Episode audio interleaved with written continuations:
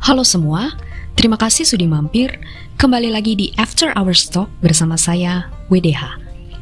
Di kanal ini, saya akan mengulas apa saja yang terlintas di benak saya seputar berbagai masalah sosial dari tinjauan ekonomi real. Baiklah, pada episode kali ini saya akan membahas tentang hal yang menyenangkan banyak orang. Berwisata, bepergian, traveling, berpelesir, melancong, uh, sesuatu yang berhubungan dengan kegiatan turisme. Saya yakin banyak di antara Anda seperti halnya saya yang suka sekali bepergian atau uh, kalau tidak bepergian ya melakukan hal-hal yang membuat kita refresh. Nah, berpelesir. Tidak perlu jauh-jauh, yang dekat-dekat juga bisa. Nah, beberapa tahun terakhir kabarnya kan ada banyak kelas masyarakat yang mengalami pergeseran kasta. Seiring dengan makin banyaknya generasi milenial yang sudah bisa mencari uang sendiri dengan cara yang kreatif, mereka mulai hijrah ke golongan masyarakat kelas menengah. Nah, seiring dengan pertumbuhan kelas masyarakat menengah ini di Indonesia, uh, kegemaran masyarakat untuk spending atau menghabiskan uangnya untuk kegiatan pelesir pun naik. Nah, termasuk mungkin Anda beberapa tahun belakangan mungkin uh, kalau tadinya berpelesir, berpariwisata, ber uh, sekadar getaway atau refreshing itu adalah kebutuhan yang luxury, sekarang sudah enggak. Itu jadi semacam salah satu kebutuhan wajib. Khususnya buat atau bagi kaum urban yang dengan alasan ingin mencari penyegaran di sela-sela kesibukan di uh, dalam kehidupan urban, kesibukan dari keseharian. Jadi saya juga menemuin banyak teman-teman saya, teman main saya, teman kerja saya, dan perkumpulan-perkumpulan lain di sekitar saya yang uh, fokusnya adalah untuk berpelesir bersama. Mereka membangun pertalian pertemanan circle of friends, komunitas, bahkan asosiasi, perhimpunan yang uh, atau geng mungkin yang memang uh, apa namanya disatukan oleh kecintaan bersama terhadap wisata. Entah itu kelompok-kelompok short trip, entah itu kelompok-kelompok pendaki atau kelompok penyelam atau apa pun. Jadi memang uh, tidak bisa dipungkiri pelesir menjadi bertransformasi menjadi salah satu kebutuhan di dalam uh, apa masyarakat kelas menengah khususnya di Indonesia. Nah, tapi uh, belum sampai itu semua apa ya ke ke ke senangan terhadap berpelesir itu terpuaskan semuanya Indonesia diguncang masalah harga tiket mahal tiket pesawat yang membuat industri pariwisata mulai goyah itu akhir tahun lalu sampai dengan awal tahun ini tapi semuanya makin diperparah lagi ketika tiba-tiba pandemi masuk. Nah, praktis semua kegiatan pelesiran hobi-hobi orang-orang yang mulai suka bepergian ini harus terhenti. Bahkan termasuk saya. Jadi, kapan terakhir kali Anda traveling atau bepergian berpelesir? Saya ingat terakhir kali saya traveling agak jauh itu beberapa bulan sebelum pandemi, akhir tahun lalu, kira-kira Oktober itu saya ke China ke bukan ke Wuhan ya tapi ke Hangzhou waktu itu Hangzhou dan Shanghai uh, untuk pelesir tipis-tipis sekaligus bertugas. Nah, lalu sempat juga ke Jawa Barat, ke daerah Ciwidey. Saya pulang ke rumah suami. Kemudian awal tahun ini saya sempat ke Surabaya sekitar Januari. Nah, Februari udah masuk pandemi. Maret sudah nggak bisa ke mana-mana lagi sama sekali karena pembatasan sosial berskala besar. Dan banyak di antara teman-teman saya yang juga sama. Ya, makin ke sini makin banyak yang mengeluh gitu, curhat. Aduh, kapan sih bisa traveling lagi? Kapan sih bisa jalan-jalan lagi?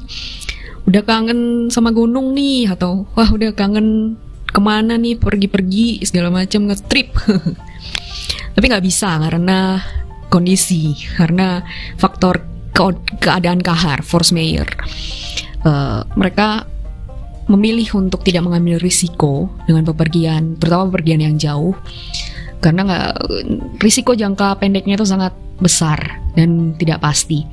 Tapi juga banyak nih masyarakat yang udah mulai nekat pergi tipis-tipis lah. Paling nggak misalnya kalau di daerah Jakarta itu ke daerah Jawa Barat atau ke daerah uh, Jogja gitu mereka masih berani untuk sekadar uh, bukan hiking tapi sekadar trekking atau ya wisata getaway tipis-tipis staycation atau ke mana gitu.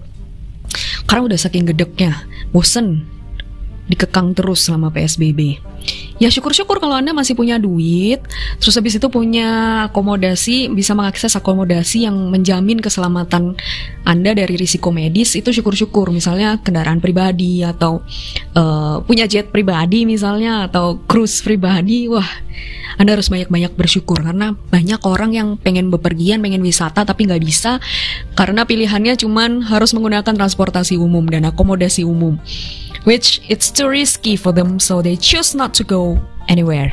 Daripada ntar kenapa-napa ketularan. Nah, permasalahannya sekarang ketika banyak orang yang menahan hasrat untuk bepergian, untuk berwisata. Apa dampaknya? Nah, ini ada hubungannya nih dengan sesi curhat pandemi kali ini. Dampaknya, jadi Indonesia itu adalah negara yang mengantungkan uh, ekonominya salah satunya kepada sektor pariwisata. Pariwisata itu kontribusinya besar bagi pendapatan devisa negara. Dan tren pendapatan devisa negara dari pariwisata itu terus naik dari tahun ke tahun. Tahun lalu aja itu nilainya sampai 20,57 juta miliar dolar loh. Bukan miliar rupiah ya, tapi miliar dolar Amerika Serikat. Dan itu tinggi banget gitu. Uh, apa namanya? Dan trennya dari tahun ke tahun tuh selalu naik. Kayak 2009 tuh kita pendapatan devisa dari pariwisata itu 6,3 miliar dolar. Terus konstan naik tahun berikutnya 7,6 tahun berikutnya lagi 8,6 dan seterusnya dan seterusnya. Mulai 2013 kita udah stabil di atas 10 miliar dolar per tahun. Dan trennya terus naik. 10 miliar, 11, 12, 13, 2017 tuh 15 miliar, 2018 19,29 miliar dolar, tahun kemarin yaitu tadi 20,57. Nggak pernah sekalipun terjadi tren penurunan. Dan itu berbanding lurus juga dengan jumlah kunjungan turis asing, wisatawan mancanegara ke Indonesia. Nah, selalu naik tren yang nggak pernah turun. Nah, 2014 tuh 9,4 juta kunjungan. Tahun berikutnya 10,23 juta kunjungan. Tahun berikutnya lagi naik lagi 11,51 juta kunjungan. 2017 14,03 juta kunjungan Wisman. 2018 15,81 juta kunjungan, 2019 16,10 juta kunjungan. Nah, sekarang uh, apa namanya? Sejak pandemi dari Januari sampai Agustus aja 2020, kunjungan wisatawan mancanegara ke Indonesia itu jumlahnya 3,41 juta kunjungan. 3,41 juta itu anjlok drastis dari capaian Januari Agustus 2019 periode yang sama tahun lalu yang jumlahnya itu mencapai hampir 11 juta. Jadi dari 11 juta menjadi 3 juta turunnya drastis banget 8 juta orang yang potensinya seharusnya kita bisa naik kunjungan Wisman malah anjlok luar biasa 80% lebih. Begitu pula dengan perjalanan wisatawan domestik, termasuk Anda dan saya, yang bepergian di negeri sendiri. Itu trennya juga naik turun sih, nggak selalu stabil naik seperti kunjungan Wisman, tapi kalau pergerakan wisatawan Nusantara itu lebih naik, fluktuatif. Tapi selalu di atas 200 juta perjalanan setiap tahunnya.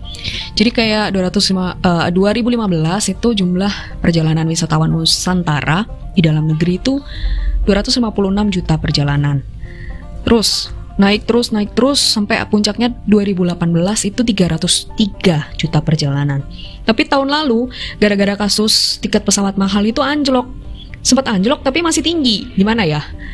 Uh, jadi capaian tertinggi kan 303 juta itu 2018. Nah, terus tahun kemarin itu proyeksinya sekitar 275 juta perjalanan wisatawan Nusantara. Tapi 275 itu pun masih tergolong tinggi jika dibandingkan dengan tahun-tahun sebelum 2018.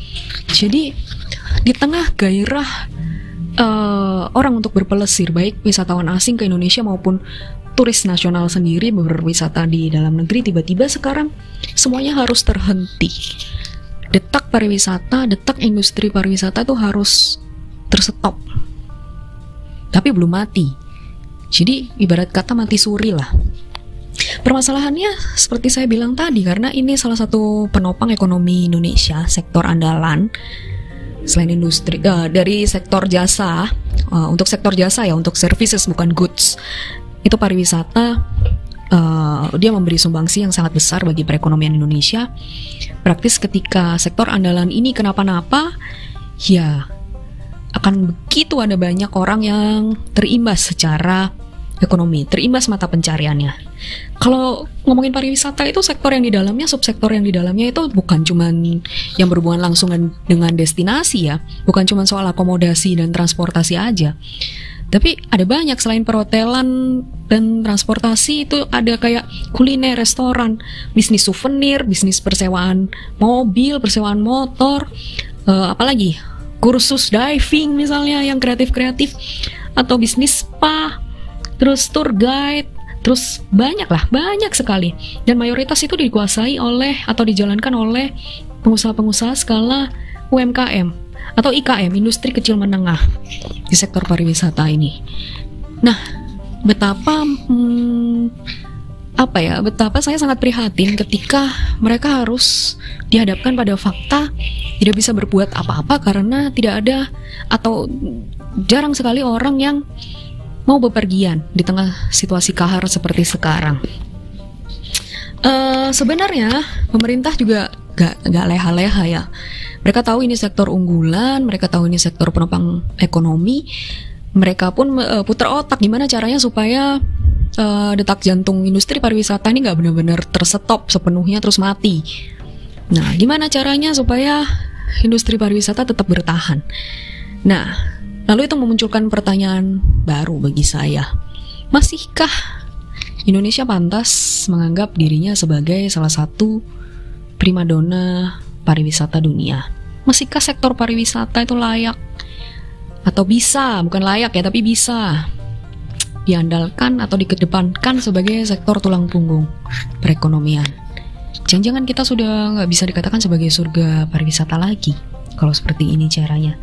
Atau pariwisata sudah nggak bisa diandalkan lagi untuk penopang ekonomi nasional. Terus kalau seperti itu bagaimana dengan nasib begitu banyak orang yang menggantungkan hidupnya dari sektor ini? bagaimana? Karena saya sendiri juga berpikir dan seperti saya uh, bilang tadi, pemerintah juga nggak diam terus leha-leha.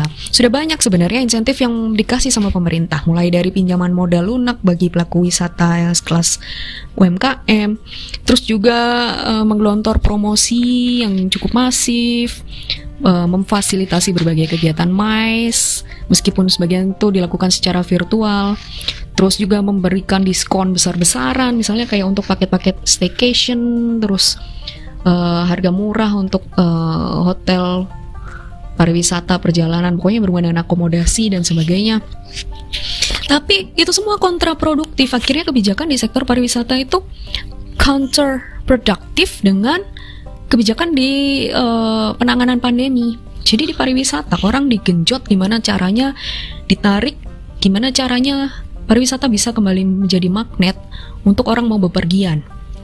Jadi orientasinya adalah menggrab daya tarik orang untuk kembali berwisata. Tapi di sisi lain, di uh, sisi yang berbeda, uh, pemerintah juga memperketat pergerakan masyarakat dengan penerapan berbagai protokol kesehatan yang ketat, batasan sosial, dan sebagainya. Ya meskipun sekarang SIKM surat izin keluar masuk, terus habis itu uh, masa berlaku rapid test itu diperpanjang, SIKM udah nggak perlu lagi.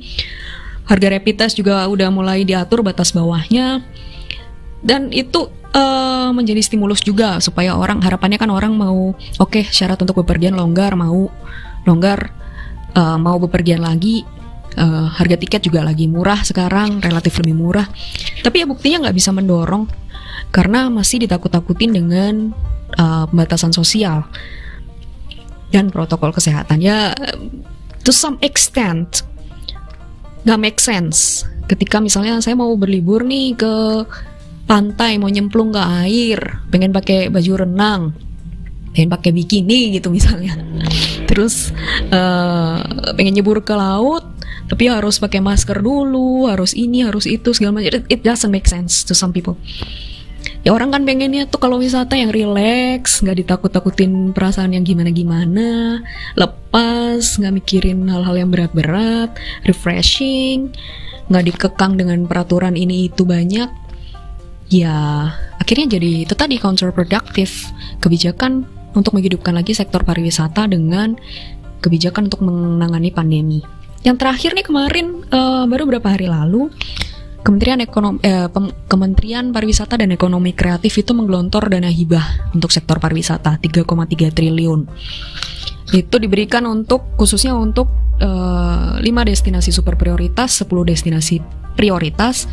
Terus daerah-daerah yang eh, PAD-nya itu 15 persennya minimal 15 persennya disumbang dari pajak dan retribusi perhotelan dan restoran.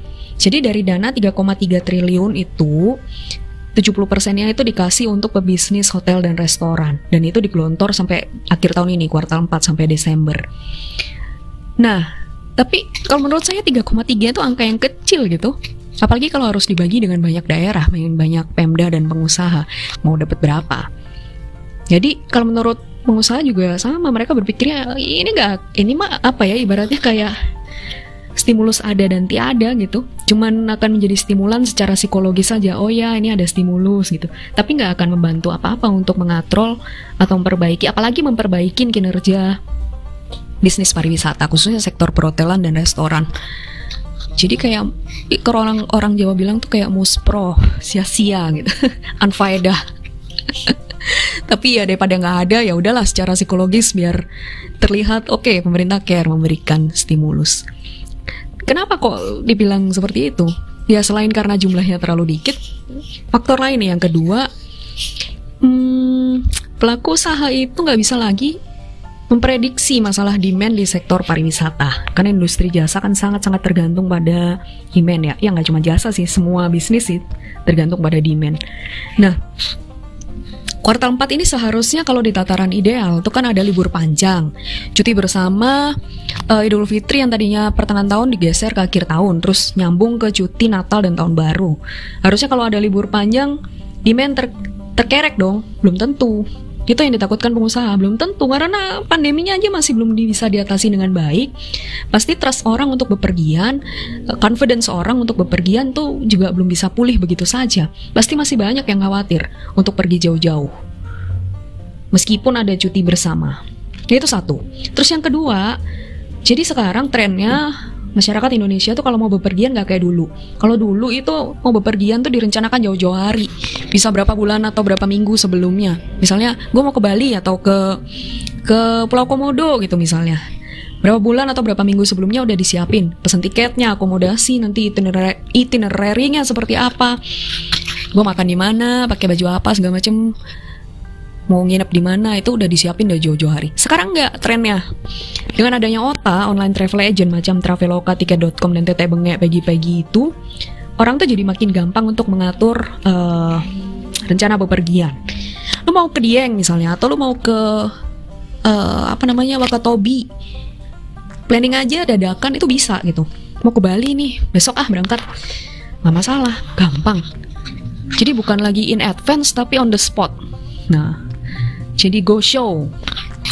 Dan itu membuat pemetaan atau uh, pemetaan bisnis dari pelaku sektor pariwisata itu jadi makin sulit. Sulit untuk memprediksi arah demand ini akan bergerak ke mana. Karena itu tadi pergeseran masalah perilaku konsumen. Jadi satu mereka mengkhawatirkan masalah confidence yang belum baik, kedua soal pergeseran perilaku itu. Jadi itu yang membuat berbagai stimulus yang udah digelontor pemerintah di sektor industri pariwisata itu jadi nggak efektif atau dinilai nggak efektif sampai sekarang. Nah balik lagi sekarang gimana terus kondisinya ini uh, industri pariwisata dan orang-orang yang bergantung di sana dus dan kapan kita bisa bepergian lagi dengan tenang dan aman dan sejahtera. jadi um, kalau untuk industri pariwisata seperti saya bilang tadi di dalamnya mencakup begitu banyak subsektor dan manusia-manusia yang menggantungkan mata pencariannya di sektor pariwisata. Yang bisa dilakukan sekarang, beberapa daerah itu mulai banting setir. Mereka mulai realistis. Udahlah ini mau digelontor stimulus sebanyak apa pun kalau selama confidence masyarakat untuk bepergian tuh nggak pulih percuma. Nggak akan ada demand lu mau banting harga hotel bintang 5 jadi sejutaan sebulan jadi kos-kosan gak akan laku kalau orang gak mau pergi. Nah gitu loh. Akhirnya apa? Putar otak. Gimana caranya? Selain dengan efisiensi dan ngekatin uh, karyawan-karyawan. Ya mereka akhirnya banyak yang mendiversifikasi bisnisnya. Seperti di Bali misalnya. Di Bali itu dia kan salah satu yang paling menonjol ya, destinasi pariwisata yang paling menonjol di Indonesia. Dan ketergantungan terhadap industri pariwisata sangat tinggi. Bahkan itu napasnya di Bali. Dan karena sekarang masalah demand ini nggak teratasi, mau mancing kunjungan Wisman dari mana? Kunjungan wisatawan domestik juga dari mana? Susah untuk ngerek. Akhirnya, oke okay, kita banting setir. Kita berdayakan UMKM supaya mereka membuat produk-produk kreatif baru yang dipasarkan secara digital. Jadi pantesan kok saya tuh belakangan tuh ya kalau lihat di Instagram misalnya. Kok suka ada fit-fit baru rekomendasi iklan lah semacam kayak iklan iklan gitu. Ini produk misalnya nih produk apalah aksesori atau pakaian atau apa pun produk-produk kreatif itu bagus-bagus. Saya klik best in Bali. Banyak banget. Wah ini benar ternyata. Jadi uh, mereka mulai banting setir. Bagaimana caranya supaya ekonomi tetap jalan dengan memanfaatkan platform yang masih bisa diandalkan dan nggak terganggu sama uh, pandemi yaitu platform digital. Mengarahnya udah mulai ke sana. Mulai menggeser ketergantungan. Sama jadi kayak di Thailand itu hal yang serupa juga dilakukan. Jadi Thailand kan sama kayak Indonesia ya dia negara yang sangat-sangat tergantung di sektor turisme. Uh, apa namanya ekonomi mereka juga sangat tergantung dari pariwisata. Dan selama ini Thailand itu uh, pariwisatanya digerakkan oleh kunjungan wisatawan asing, wisatawan mancanegara. Nah sekarang mereka banting setir gimana caranya lebih local wisdom, memanfaatkan bonus demografi yang mereka punya. Masyarakatnya sendiri disuruh mm, mengatrol pariwisata, jangan mengandalkan wisman lagi deh. Ya setiap negara punya kebijakannya masing-masing ya. Indonesia juga punya. Kayak nanti Indonesia mau bikin hub dan super, super hub untuk bandara. Untuk uh, itu untuk mengubah ke arah kebijakan industri pariwisata ke depannya. Itu nanti isu lain lagi lah. Suatu saat saya akan bahas itu soal hub dan super hub. Karena itu akan sangat-sangat mengubah konstelasi industri turisme Indonesia dalam jangka panjang. Akan berubah total. Tapi sekarang kita bahas dulu ini soal tekanan industri pariwisata ini. Jadi itu tadi banyak yang mulai bergeser, mereka uh, memanfaatkan ide kreatif mereka, reinvent and rediscover themselves untuk survive. Gimana caranya? Jadi masih ada harapan sebenarnya. Meskipun dengan cara-cara yang non tradisional, bukan dengan menggrab kunjungan turis, tapi dengan jemput bola melalui platform-platform yang masih ada, platform digital misalnya itu tadi. Uh, jadi untuk Anda yang mungkin termasuk orang uh, yang menggantungkan mata pencariannya dari sektor pariwisata dan sekarang sedang terguncang kondisi finansialnya, I feel you. Tapi percaya bahwa akan selalu ada jalan. Gak selamanya akan seperti ini. Nah ini justru akan menjadi momentum yang tepat saat ini untuk Anda mereinvent and merediscover yourself untuk menemukan potensi-potensi dan peluang-peluang yang baru yang masih ada demand-nya untuk bisa survive. Nah, uh, oh ya saya belum cerita ya bagaimana dampak pandemi terhadap industri pariwisata. Kenapa kok ini kasihan sektor pariwisata ini? Jadi selama semester 1 aja, potensi devisa pariwisata yang melayang karena pandemi itu tuh sampai 6 miliar dolar Amerika. Nah itu di dalamnya juga potensi pajak dan retribusi daerah juga hilang dari sektor pariwisata. Lebih dari 2.000 hotel dan 8.000 restoran tuh tutup dengan potensi pendapatan per semester satu aja untuk sektor perhotelan tuh sampai 40 triliun. Nah untuk sektor restoran tuh 45 triliun. Dan bukan cuma itu, jadi kayak penyedia akomodasi juga kena imbasnya, kena getahnya. Kayak maskapai misalnya, maskapai penerbangan itu ruginya sampai lebih dari 812 juta dolar Amerika Serikat. Per awal Agustus aja, jumlah penerbangan itu mencapai uh, trafficnya hanya 35% dari kondisi normal. Terus jumlah keterisian penumpang tuh cuma 17% dari kondisi normal pada tahun lalu. Terus agen pariwisata mereka juga terdampak Kerugian yang mereka dampak secara material itu sampai 4 triliunan.